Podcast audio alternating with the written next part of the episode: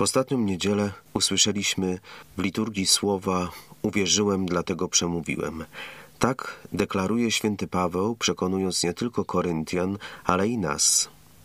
A czy my mówimy z wiary, czy bardziej z siebie? Może raczej co mówimy? Mówimy zazwyczaj dobrze tylko o sobie. O kimś tylko wtedy, gdy darzymy kogoś sympatią albo jesteśmy w relacji zależności. Prawdziwy, szczery dialog prowadzi wyłącznie Bóg. Można się o tym przekonać, analizując scenę z raju.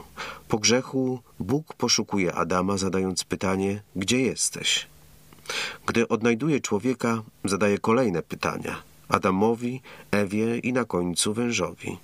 To jest klucz właściwy. Klucz do relacji z Bogiem. Pozwolić Bogu na pytania, sobie na szczerą odpowiedź. Podobnie Jezus postępuje. Nie boi się nawet zarzutów wobec swojej osoby. Zarzutów niesłusznych, że odszedł od zmysłów, że ma Belzebuba. Daje odpowiedź w formie retorycznych pytań powiązanych z przypowieścią o upadającym królestwie zła. W końcu pojawia się ostatnie Jezusowe pytanie: Kto jest moją rodziną? To wszyscy wyznawcy Chrystusa, a szczególnie ci, którzy cierpią z powodu wiary.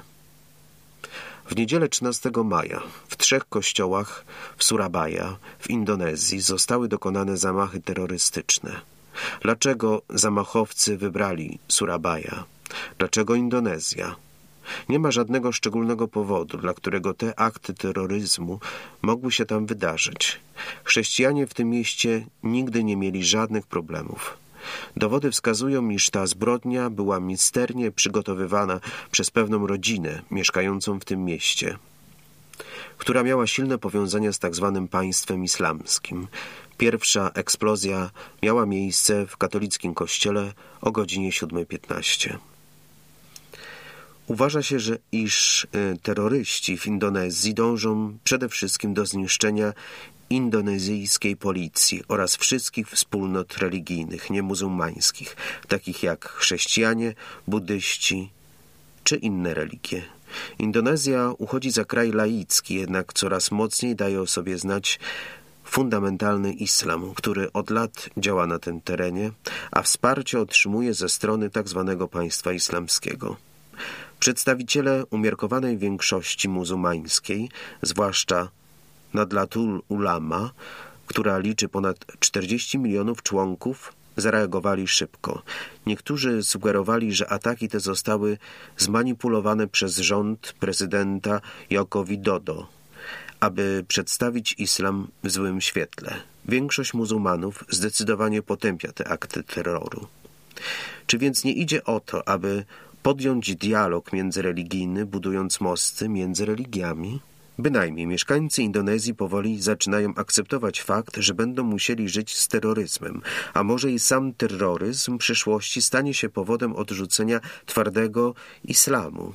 Ekstremiści, którzy aspirują do statusu islamskiego kalifatu, są odrzucani przez innych muzułmanów za to, że nie szanują swojej indonezyjskiej tożsamości i niezależności. Dopóki 50% mieszkańców Indonezji o niższym dochodzie będzie nadal wierzyć, że w ramach istniejącego demokratycznego systemu Pancasila ich dzieci będą miały lepszą przyszłość, Indonezja nie stanie się w pełni islamska. Chociaż międzynarodowa fala islamskiego ekstremizmu jest wyraźnie odczuwalna w Indonezji, to jednak rdzenni mieszkańcy mają niezwykle silne poczucie własnej tożsamości narodowej i kulturowej. Mimo wszystko pojawiają się pewne wątpliwości. Upolitycznienie islamu dla osobistych interesów stanowi prawdziwe niebezpieczeństwo. Indonezja z pewnością stanie się bardziej islamska, ale miejmy nadzieję, że nadal pozostanie w istniejących ramach konstytucyjnych i demokratycznych. Dla nas, chrześcijan, zadanie jest w pełni jasne. Musimy budować ufne, pozytywne relacje z głównym nurtem indonezyjskiego islamu, co nawiasem mówiąc jest czymś, co bardzo doceniają. Kościół w Indonezji przejął inicjatywę w tym zakresie od ponad 30 lat, a stosunki te przynoszą coraz lepsze owoce.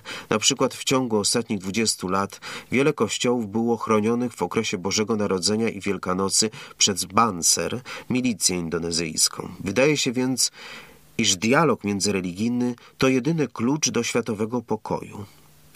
Szukamy Boga, który daje nam odpowiedzi normalne, bo po to jest codzienna modlitwa, ale czy szukamy Boga, który zadaje nam pytania? Raczej nie, bo takiego Boga nie chcemy. Jest niepopularny.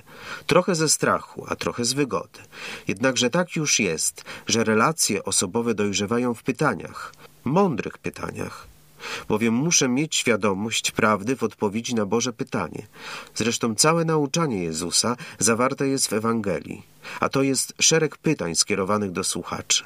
Gdy patrzymy na świat sponiewierany wojnami i terroryzmem, to zadajemy sobie pytanie dlaczego? Tym razem to Bóg nas pyta. W tej metodzie Jezus chce, aby człowiek sam dochodził do pewnych wniosków, jakby wychowywał do samodzielności w myśleniu, Bożym myśleniu. Bo koniec końców to ja osobiście muszę usłyszeć, zrozumieć przesłanie i zbawić się. I tak dojrzewamy w naszych relacjach człowieka wewnętrznego i z Bogiem, i z innymi, i w końcu z samym sobą. Ksiądz Andrzej Paś, Pomoc Kościołowi w potrzebie.